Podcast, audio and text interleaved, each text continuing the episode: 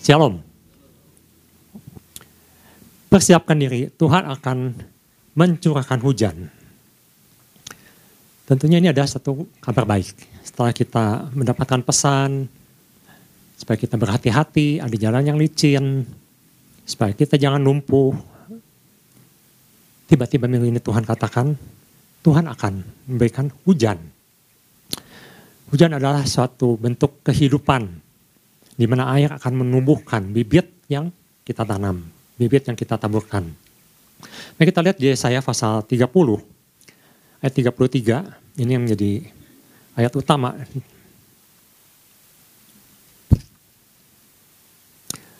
Ayat 23, bukan 23, pasal 3, Yesaya 30 ayat 23.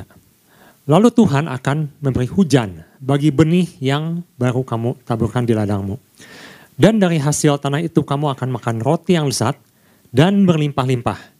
Pada waktu itu ternakmu akan makan rumput di padang rumput yang luas. Jadi waktu hujan itu diturunkan, nanti kita akan lihat ah, banyak sekali berkat yang akan terjadi. Bukan di satu titik. Saya nanti catat ada beberapa. Ternyata yang Tuhan akan berikan itu luar biasa dampaknya.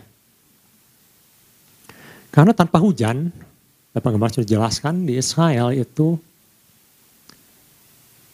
tidak mungkin tumbuhan bisa bertumbuh, tidak mungkin tumbuhan itu bisa menghasilkan, pohon tidak akan berbuah, binatang kesulitan akan makanan, semua akan menderita. Kita mengingat waktu zaman Ahab, tidak turun hujan beberapa tahun, keadaannya mengerikan. Bahkan pernah dicatat di Alkitab, orang sampai memakan anaknya sendiri.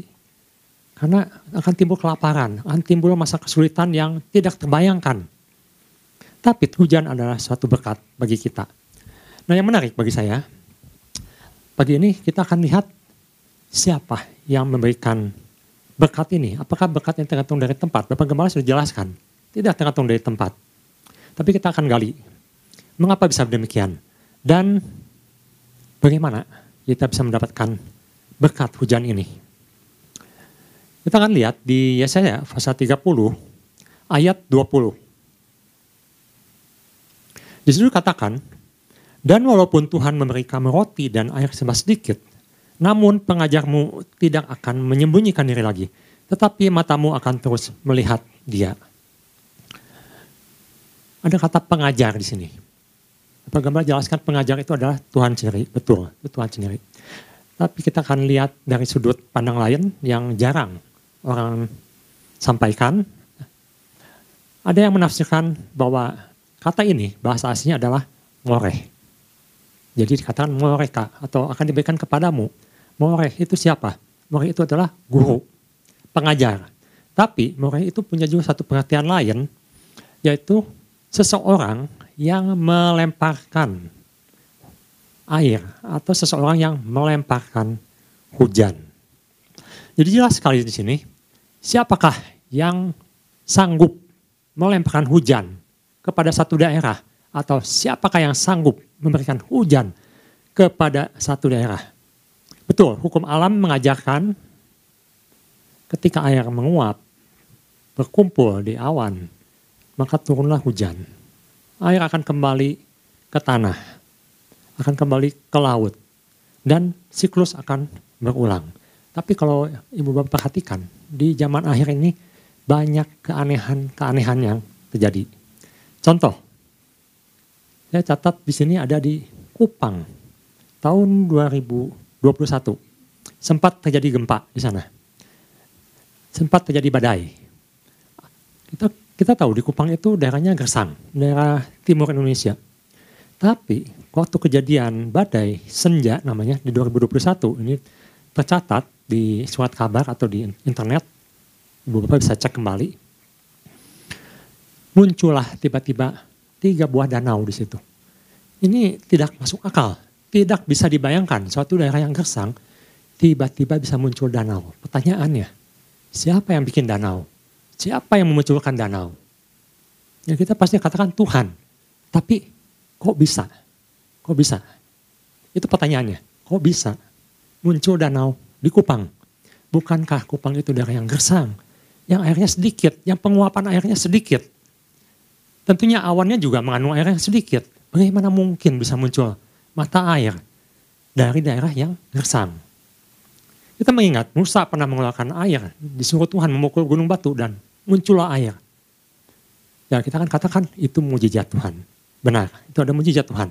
Banyak fenomena-fenomena yang mujizat yang terjadi di di tahun-tahun belakangan ini, termasuk di daerah Arab, yang tiba-tiba daerah gersang menjadi subur. Suatu yang tidak masuk akal. Bahkan di akhir zaman, di Wahyu dikatakan sungai Efrat akan menjadi kering dan ini tanda-tandanya sudah mulai bisa dipantau. Sungai Efrat mulai mengering. Ini menunjukkan bahwa Tuhan kita akan segera datang. Gempa bumi di mana-mana. Dan yang menarik, ketika gempa bumi di mana-mana, kita tahu yang menentukan gempa atau yang menggoyangkan bumi itu adalah Tuhan. Ketika gempa terjadi, maka sesar-sesar itu mulai berubah. Ada perubahan yang dulu tidak ada, sekarang jadi ada. Ini suatu yang mengejutkan secara ilmu pengetahuan. Ada gejala-gejala alam yang tidak bisa dijelaskan. Intinya di sini adalah Tuhan yang berdaulat, Tuhan yang berkuasa. Kita lihat di Yehezkiel pasal 47 ayat 1 dan 5. Yehezkiel 47 ayat 1 dan ayat 5. Di dikatakan, kita akan baca. Kemudian ia membawa aku kembali ke pintu bait suci dan sungguh ada air keluar dari ambang pintu bait suci. Perhatikan sini. Air itu tidak keluar dari tanah, air itu tidak keluar dari danau, tapi keluar dari bait suci. Dan dari bawah ambang pintu bait suci itu dan mengalir menuju ke timur. Sebab bait suci juga menghadap ke timur. Dan itu mengalir dari bawah bagian samping kanan dari bait suci itu. Sebelah selatan mesbah. Ayat yang kelima. Ya ini. Sekali lagi, ia mengukur seribu hasta lagi. Jadi ini dituliskan oleh Yeskiel dan dia mendapat penglihatan mata air ini semakin lama semakin jauh semakin besar. Sekarang air itu sudah menjadi sungai, menjadi sungai, menjadi dalam, menjadi besar, di mana aku tidak dapat berjalan lagi sebab air itu sudah meninggi sehingga orang dapat berenang. Suatu sungai yang tidak dapat diseberangi lagi. Ini menggambarkan bahwa tidak ada yang mustahil buat Tuhan. Tetapi yang menjadi pertanyaannya, dari mana sumber air itu? Siapa yang melemparkan air itu? Jadi yang pertama, yang menurunkan hujan adalah Tuhan, bukan lokasi strategis. Banyak orang dalam dunia ini mencari tentunya lokasi yang terbaik. Lot memilih lembah Soar. Dia katakan lembah yang sangat subur lembah yang bermata air, lembah yang menghidupkan. Apakah Allah salah? Tidak salah. Tapi kalau Tuhan tidak ada di situ, maka soar pun akan rusak, maka soar pun akan hancur. Yang sayang, yang sering dilakukan oleh manusia di bumi ini, dia tidak tahu kepada siapa dia harus berterima kasih kepada siapa dia harus menyembah ketika hujan itu diberikan, ketika air itu diberikan. Nanti kita akan lihat, termasuk orang Israel, ketika ya saya menuliskan ini, mereka salah menyembah, mereka salah berterima kasih. Saya ada satu cuplikan video, ini saya dapatkan dari di sosmed, dibagikan waktu itu, saya melihat dan mungkin untuk beberapa orang percaya atau untuk kita ini adalah sesuatu yang ah saya tidak akan mungkin melakukan hal seperti itu. Tapi ini terjadi. Kita akan lihat bagaimana orang-orang bisa berterima kasih untuk semua berkat apa yang dia dapat. Betul, kita perlu berterima kasih. Bahkan kepada orang yang menolong kita, kita harus mengucapkan terima kasih. Itu ada namanya budi, budi pekerti. Kepada orang tua yang sudah memelihara, kita harus berterima kasih. Betul. Bahkan Amsal mengatakan jangan melupakan teman ayahmu. Kita harus mengingat. Kita sempat dapat pesan ini. Mengingat apa yang Tuhan sudah berikan pada kita. Tapi kepada siapa kita berterima kasih? Apa bisa dijalankan? Mungkin kita akan lihat hanya beberapa detik. Tapi tolong perhatikan apa yang mereka lakukan untuk mengucapkan terima kasih mereka. Ya di sini ada seorang supir truk yang sudah bekerja 8 tahun. Dia memakai truknya dan dia sangat berterima kasih kepada truknya. Kenapa? Karena dia sudah katanya sudah membantu kehidupan nafkah dia selama 8 tahun. Jadi dia menyembah truk itu. Ini adalah orang-orang yang berterima kasih kepada anjing yang menyelamatkan mereka dari kebakaran. Dan mereka mempersembahkan sesuatu. Mungkin bisa di setel ulang, tadi agak cepat. Silahkan dilihat kembali. Nah perhatikan, mereka berterima kasih kepada benda-benda mereka berterima kasih kepada binatang-binatang. Orang Israel berterima kasih kepada bintang-bintang di langit. Mereka berterima kasih pada dewa-dewa di langit. Mereka berterima kasih pada dewa langit. Mereka berterima kasih kepada dewa bumi. Mereka berterima kasih kepada dewa laut. Itu yang dilakukan oleh manusia.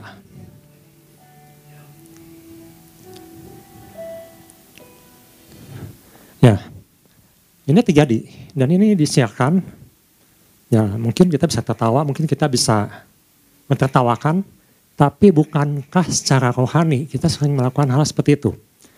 Kalau Tuhan memberkati kita, maka kita akan sangat berterima kasih pada orang yang memberkati kita. Kita akan sangat berterima kasih kepada mungkin properti yang kita beli. Kita akan sangat bersyukur pada berkat apa yang kita dapat. Bagaimana dengan Tuhan? Siapa yang melemparkan berkat itu? Siapa yang melemparkan hujan itu? Ya saya mengatakan dengan jelas, pengajarmu. Pengajarmu ini adalah Tuhan yang memberikan berkat kepadamu. Mari kita lihat, apa ya penyebab yang membuat orang Israel dibuang? Apa yang menyebabkan mereka tidak mendapatkan hujan selama ini? Ya saya pasal 230 ayat ke-19.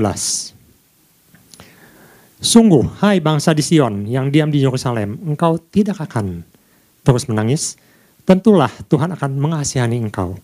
Apabila engkau berseru-seru pada saat dia mendengar teriakmu, ia akan menjawab. Kemarin kita sudah dengar dari Pak Marbun, ketika kita berseru-seru pada Tuhan, Tuhan mendengar.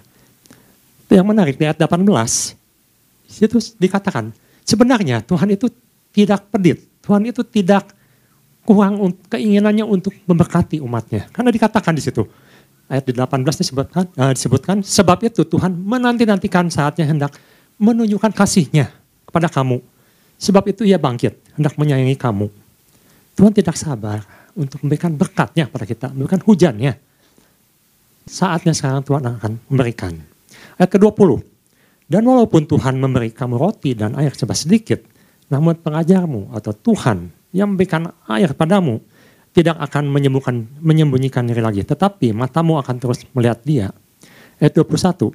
Dan telingamu akan mendengar perkataan ini dari belakangmu. Inilah jalan, berjalanlah mengikutinya. Entah kamu menganan atau mengiri. Ini ada satu penghiburan yang Tuhan sampaikan di minggu ini. Engkau tidak akan terus menangis. Engkau tidak akan terus menderita. Engkau tidak akan terus mengalami kepahitan, lepaskanlah. Kenapa? Karena Tuhan akan memberkatimu. Walaupun dikatakan di ayat 20, engkau mengalami saat ini kesulitan. Ladang tidak menghasilkan penghasilan seret. Tidak berbuah. Tetapi ayat 21 dikatakan, ketika kita mau mendengar, ketika Tuhan katakan, bergerak kiri, bergerak kanan, mau berbalik, mau mendengar, Bahkan di ayat 22 dikatakan, jika engkau mau membuang segala yang najis, patung-patung, emas, perak yang dilapis itu, membuangnya seperti kain cemar, seperti sesuatu yang najis, yang tidak berkenan Tuhan dibuang, maka Tuhan akan memberikan hujan. Menarik sekali di sini. Ada sesuatu yang harus dibuang. Ada sesuatu yang harus dikesampingkan. Ada sesuatu yang tidak penting lagi. Ada sesuatu yang mengikat, yang membuat kita mengalami segala sesuatu yang tidak baik selama ini. Aku tidak sabar untuk memberikannya, tapi kamu masih mengikatnya, kamu masih menyimpannya, kamu masih memegangnya. Dan itu adalah berhala-berhala yang ada dalam hidup kita. Sekali lagi, berhala itu tidak harus seperti tadi, tidak harus selalu bentuk. Saya tidak menyembah binatang, saya tidak menyembah benda, tidak selalu begitu bentuknya apa yang kita anggap lebih penting dari Tuhan itu adalah berhala. Itu yang Tuhan tidak suka. Apa yang Tuhan anggap itu tidak menyenangkan hatinya. Sesuatu yang dianggap lebih penting. Kadang-kadang orang lebih mementingkan ladangnya, pekerjaannya, statusnya. Orang lebih mementingkan hal-hal seperti itu. Bukan itu yang penting. Karena ladang bisa kering. Pekerjaan bisa selesai. Semua bisa berubah. Dan zaman ini semua sedang berubah. Tidak jadi jaminan. Abraham memilih lembah atau tempat yang tidak sesubur solar. Mungkin ketika dia melihat ke kanan ke kiri, tanahnya cukup kering. Tapi Tuhan berkati melimpah di situ. Lot memilih tanah yang subur, tetapi tanah itu dihancurkan oleh Tuhan. Karena Tuhan tidak berkenan di tempat itu. Mana yang kita pilih? Yang kita anggap sama ini lebih penting dari Tuhan. Apa pun itu. Ada satu quotes yang sangat bagus yang saya dapatkan dari seorang teman. Dia katakan begini, Tuhan tidak akan meninggalkanmu dengan tangan kosong. Dia akan menggantikan segala sesuatunya apa yang hilang. Jika ia memintamu untuk membuang sesuatu itu, mengapa? Karena Tuhan ingin kita mendapatkan sesuatu yang lebih baik, sesuatu yang lebih besar, sesuatu yang lebih berguna, sesuatu yang lebih memberkati. Jadi God will never leave you empty. He will replace everything you lost. If he asks you to put something down, it's because he wants you to pick up something greater. Tuhan akan berikan gantinya. Di ayat 22 dikatakan engkau akan menganggap najis patung-patungmu yang disarut dengan perak atau yang dilapis dengan emas. Engkau akan membuangnya seperti kain cemar sambil berkata kepadanya, keluar, buang. Semuanya itu tidak berharga lagi, semuanya tidak penting lagi, buang. Dan Tuhan akan menggantinya dan memberikan hujannya, hujan awal, hujan akhir, hujan yang memberkati. Bahkan ayat 26 atau 24 dulu kita lihat. Ayat 24 dikatakan bukan cuman hujan yang memberkati ladang, bukan hujan yang hanya menumbuhkan benih, ini sini kita lihat ya 24. Bahkan sapi-sapi, keledai-keledai yang mengejakan tanah akan memakan makanan campuran yang sedap, yang sudah ditampi dan diayak. Binatangnya juga diberkati. Pekerjaan kita diberkati. Pekerja kita diberkati. Semua yang menunjang pekerjaan kita diberkati. Pesan Tuhan mengatakan Tuhan tidak segan-segan mencurahkan hujan derasnya dan ini adalah hak Tuhan. Tidak tergantung musim, tidak tergantung tanah, tidak tergantung lokasi. Tuhan berhak memilih orang atau kita atau ladang yang akan diberkatinya. Sekali lagi ini mengajarkan saya, ibu bapak saudara, jangan terpaku dengan tempat, lokasi, pekerjaan. Karena Tuhan akan bukan sesuatu yang baru. Sesuatu yang kalau kita lihat sekarang ini sesuatu yang tidak mungkin jadi mungkin, sesuatu yang anomali. Banyak sekali terjadi di akhir tahun ini. Suatu anomali yang akan terjadi. Dan itu adalah karena Tuhan kita berdaulat. Di ayat 26 dikatakan, maka terang bulan purnama akan seperti terang matahari. Bayangkan, ini ada suatu hiperbola, bahasa hiperbola yang menyatakan bahwa bulan yang cahayanya terbatas, yang pantulan cahaya mataharinya terbatas, akan seterang matahari. Artinya berkatnya adalah sangat besar. Berkat yang kita nikmati malam pun akan seperti matahari, akan menjadi terang. Dan terang matahari terik akan tujuh kali ganda. Yaitu seperti terangnya tujuh hari pada waktu Tuhan membalut luka umatnya dan menyembuhkan bekas pukulan. Ada pemulihan, ada penyembuhan. Dan Tuhan katakan terang itu tujuh kali lipat. Yesaya pasal 11 ayat keempat. Kalau kita belajar dengan apa yang kita perhatikan tadi, ternyata Tuhan itu adalah Tuhan yang pengasih. Tetapi ia juga Tuhan yang adil. Yesaya pasal 11 ayat keempat. Tetapi ia akan menghakimi orang-orang lemah dengan keadilan dan akan menjatuhkan keputusan terhadap orang-orang yang tertindas negeri dengan kejujuran. Ia akan menghajar bumi dengan perkataannya seperti dengan tongkat. Dan dengan nafas mulutnya ia akan membunuh orang-orang fasik. Jadi orang fasik itu tidak akan menikmati hujan yang Tuhan berikan. Orang fasik tidak akan mendapatkan hujan yang Tuhan janjikan. Pak katakan di hari Minggu, kita harus menyiapkan untuk setiap curahan hujan yang Tuhan akan berikan. Dan kita harus tind lakukan tindakan yang membuat uap air itu bisa naik dan berkumpul. Dengan kata lain kita harus menyiapkan diri. Ada sesuatu yang baru. Matius pasal 9 ayat 17, untuk sesuatu yang baru, perlu tempat yang baru. Kalau kita dapat anggur baru, kita simpan di kirbat yang lama, maka kirbat atau tempat itu yang dibuat dari kulit binatang itu atau mungkin dari lambung binatang atau semacamnya akan pecah.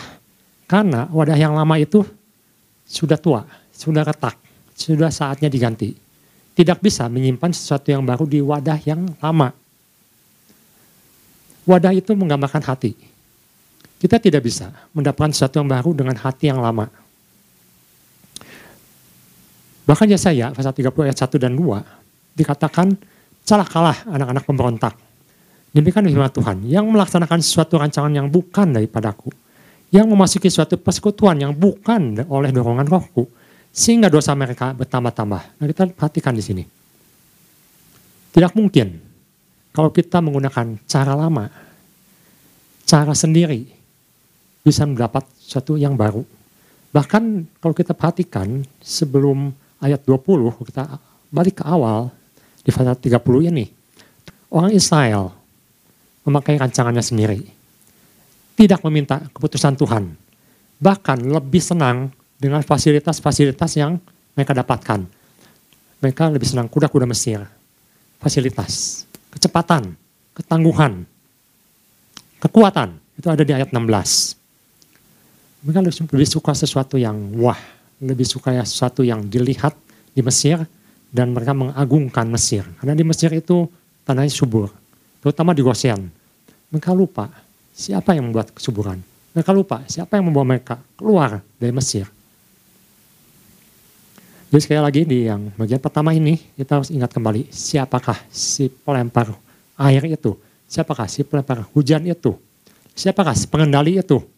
Bukan pekerjaan kita, bukan family kita, bukan decking kita, bukan orang dekat kita, bukan bos kita, bukan alat-alat kita, bukan lahan kita, bukan properti kita, bukan mobil kita, bukan kendaraan kita. Tapi kita harus kembali mengingat bahwa Tuhan yang akan mengubah, Tuhan yang akan memberi. Jangan kepada yang lain. Ketika kita berpaling pada yang lain, maka Tuhan katakan, kamu masih mengikat pada hal yang lama. Maka hal yang lama itu tidak akan bisa menampung hal yang baru. Dan kita akan lihat bahwa Tuhan akan memberikan sesuatu yang diulang nalar, sesuatu yang baru, sesuatu yang tidak pernah terjadi. Di Alkitab, saya melihat ada seorang yang begitu luar biasa di Amsal 31, uh, Amsal 31 di mana di Amsal 31 ini dikatakan ada seorang istri yang cakap Soal istri yang cakap itu, apa sih yang dia lakukan? Nanti ibu bapak bisa baca sendiri di pasal 31. Tapi dicatat di situ, seorang yang mempersiapkan diri itu ada seorang yang, dia seorang yang mencari. Jadi aktif, tidak diam. Bukan seorang yang tidur, bangun siang. Tapi dia seorang yang mencari, bangun pagi-pagi. Seorang yang mendatangkan makanan, menyiapkan kebutuhan. Di ayat ke-15 katakan bangun pagi-pagi di ayat 16 dikatakan mengelola, mengatur pegawainya, mengatur semua pekerjaannya. Dia membeli ladang, mempersiapkan untuk ditanam. Dia mengikat pinggangnya, siap bekerja. Dia memintal, ayat 19.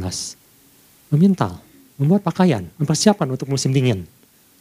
Ayat 21 katakan dia seorang yang siap sedia Nah, kita akan lihat di ayat ke-22, Amsal 31 ayat 22. ketika dia mempersiapkan segala sesuatunya dengan begitu baik, dikatakan ia membuat bagi dirinya permadani, lenan halus dan kain ungu pakaiannya. Permadani itu barang yang mahal, barang mewah di Israel. Dan kita tahu yang terbaik adalah dari Iran atau Syria. Bahkan akan waktu itu sempat mencuri barang-barang seperti ini. Karena ini dia tahu barang ini mahal dan dia suka. Barang yang jarang dimiliki oleh orang-orang biasa, rakyat biasa. Biasanya ada di istana raja. Lenan halus, kain ungu itu adalah pakaian raja. Dengan kata lain, orang yang mempersiapkan seperti istri yang cakap ini, dia akan menikmati, menikmati yang terbaik. Terbaik yang bisa, bisa dapatkan dari Tuhan. Bukankah itu yang kita harapkan, bukankah itu yang kita inginkan melalui pesan ini? Kita dapatkan yang terbaik dari Tuhan. Karena itu kita harus siapkan dengan kirbat yang baru. Yang kedua, yang mendapat hujan adalah orang-orang yang mau tinggal di Sion atau Yerusalem. Kita lihat di ayat ke-19, Yesaya 30 ayat 19. Sungguh, hai bangsa di Sion yang diam di Yerusalem, engkau tidak akan terus menangis. Tentulah Tuhan akan mengasihani engkau apabila engkau berseru-seru. Pada saat ia mendengar teriakmu, ia akan menjawab. Tentunya Ibu Bapak sempat berpikir, saya sempat berpikir, mengapa dikatakan Sion? Nah, apakah yang diam di Yerusalem? Apakah tidak ada tempat lain? Apakah tempat lain tidak diberkati? Tentunya maksudnya bukan begitu. Sion itu adalah satu pegunungan di mana orang disuruh Tuhan untuk datang bersiarah tiga kali setahun.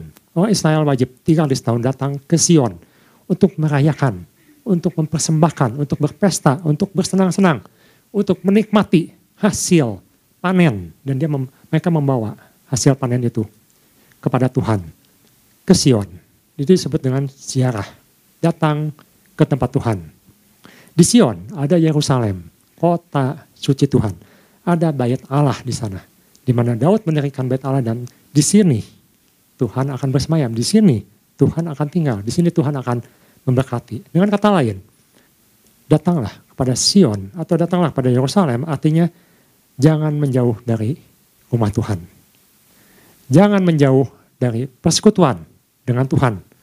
Jangan menjauh dari bait Allah. Jangan menjauh dari Tuhan. Di rumah Tuhan, kita bisa menanti-nantikan Tuhan. Di rumah Tuhan, Tuhan menyatakan bahwa dia akan memimpin, dia akan mengajar, dia akan mengarahkan, dia akan memberkati. Itu yang dimaksud dengan datanglah ke Sion, tinggallah di Sion.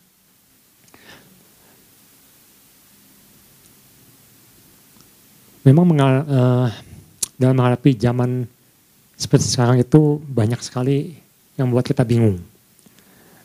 Karena sesuatunya banyak diguncangkan. Contohnya, kalau ibu bapak pernah baca atau dengar istilah New World Order, kita pasti terpikir tentang antikris. Yang nanti mungkin minggu depan, sebentar lagi kita akan dengar di ahlinya. Ada yang disebut dengan New World Order. New World Order Apakah itu? Tatanan dunia baru, sesuatu yang sedang berubah. Nah saya kebetulan sempat baca tentang New World Order ini. Ternyata pengertiannya luas. Bukan hanya tentang akhir zaman, tetapi tentang suatu perubahan di dunia ini, di mana pemimpin dunia ini sedang beralih. Siapa sekarang yang sedang naik?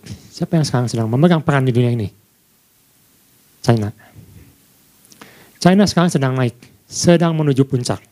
Dan Amerika pun mengakuinya, Amerika takut. Amerika adalah penguasa di abad sebelum ini.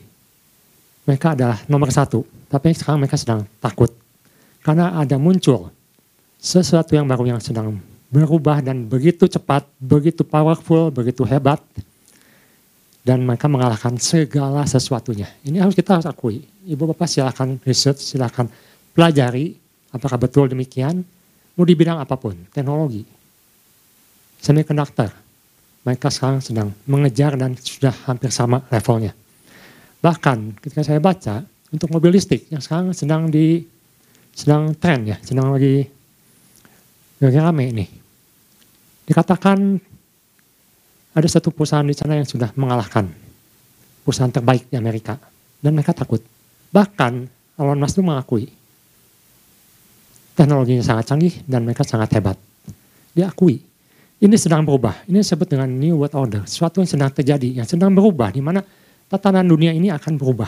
Tidak seperti yang zaman-zaman seperti yang lalu yang kita alami. Ada sesuatu yang berubah. Belum lagi teknologi AI. Semua pakai AI. Kita tidak tahu dampaknya seperti apa ke depan. Membingungkan. Dulu orang bisa bekerja berhari-hari, berjam-jam untuk mengedit sesuatu. Sekarang hanya dengan satu sentuhan semuanya berubah, semuanya selesai dibantu oleh AI. Dan ini akan merambah ke semua bidang. Dan China ini mempunyai bahan baku lithium terbesar di dunia. Katanya 75% itu milik China. Makanya dia bisa jual baterai dengan harga yang lebih murah atau dengan termurah. Sedang berubah. Dan kita melihat bagaimana efeknya terhadap kehidupan kita. Tidak tahu. Oleh karena itu Tuhan katakan sekali lagi di ayat ke-21. Dan telingamu akan mendengar perkataan ini dari belakangmu Inilah jalan, berjalanlah mengikutinya. Entah kamu menganan atau mengiri. Kita tidak tahu. Hanya Tuhan yang tahu. Bagaimana kita harus berjalan ke kanan atau ke kiri? Kita tidak tahu, tidak tahu. Tapi sesuatu yang bisa kita pegang, yang bisa kita pelajari, bahwa Daud pun pernah mengalami ketika dia melawan bangsa Filistin. Kejar, kelilingi dari kiri kejar ini dari kanan. Ketika kamu mendengar suara, kamu harus melakukan hal ini. Dan itu yang Tuhan lakukan. Akulah pengajarmu. Oleh karena itu, sekali lagi, kita sedang menghadapi jalan-jalan yang licin. Jalan-jalan yang tidak mudah. Orang sekarang, orang fasik, menghalalkan segala cara untuk mendapatkan sesuatu. Tapi kita bukan orang fasik. Kita bukan menghalalkan segala cara, kita bukan mengagungkan sesuatu, tapi kita mengagungkan Tuhan. Dan biarlah kalau Tuhan berpesan, dia akan memberkati kita dengan hujannya. Itu adalah dengan caranya. Bukan cara kita lagi. Bagaimana caranya? Mendekat pada Tuhan. Datang ke baitnya. Datang di hadapannya. Dengar apa yang Tuhan arahkan. Hanya itu yang bisa kita lakukan untuk mendapatkan hujan itu. Hujan yang menumbuhkan. Hujan yang memberkati.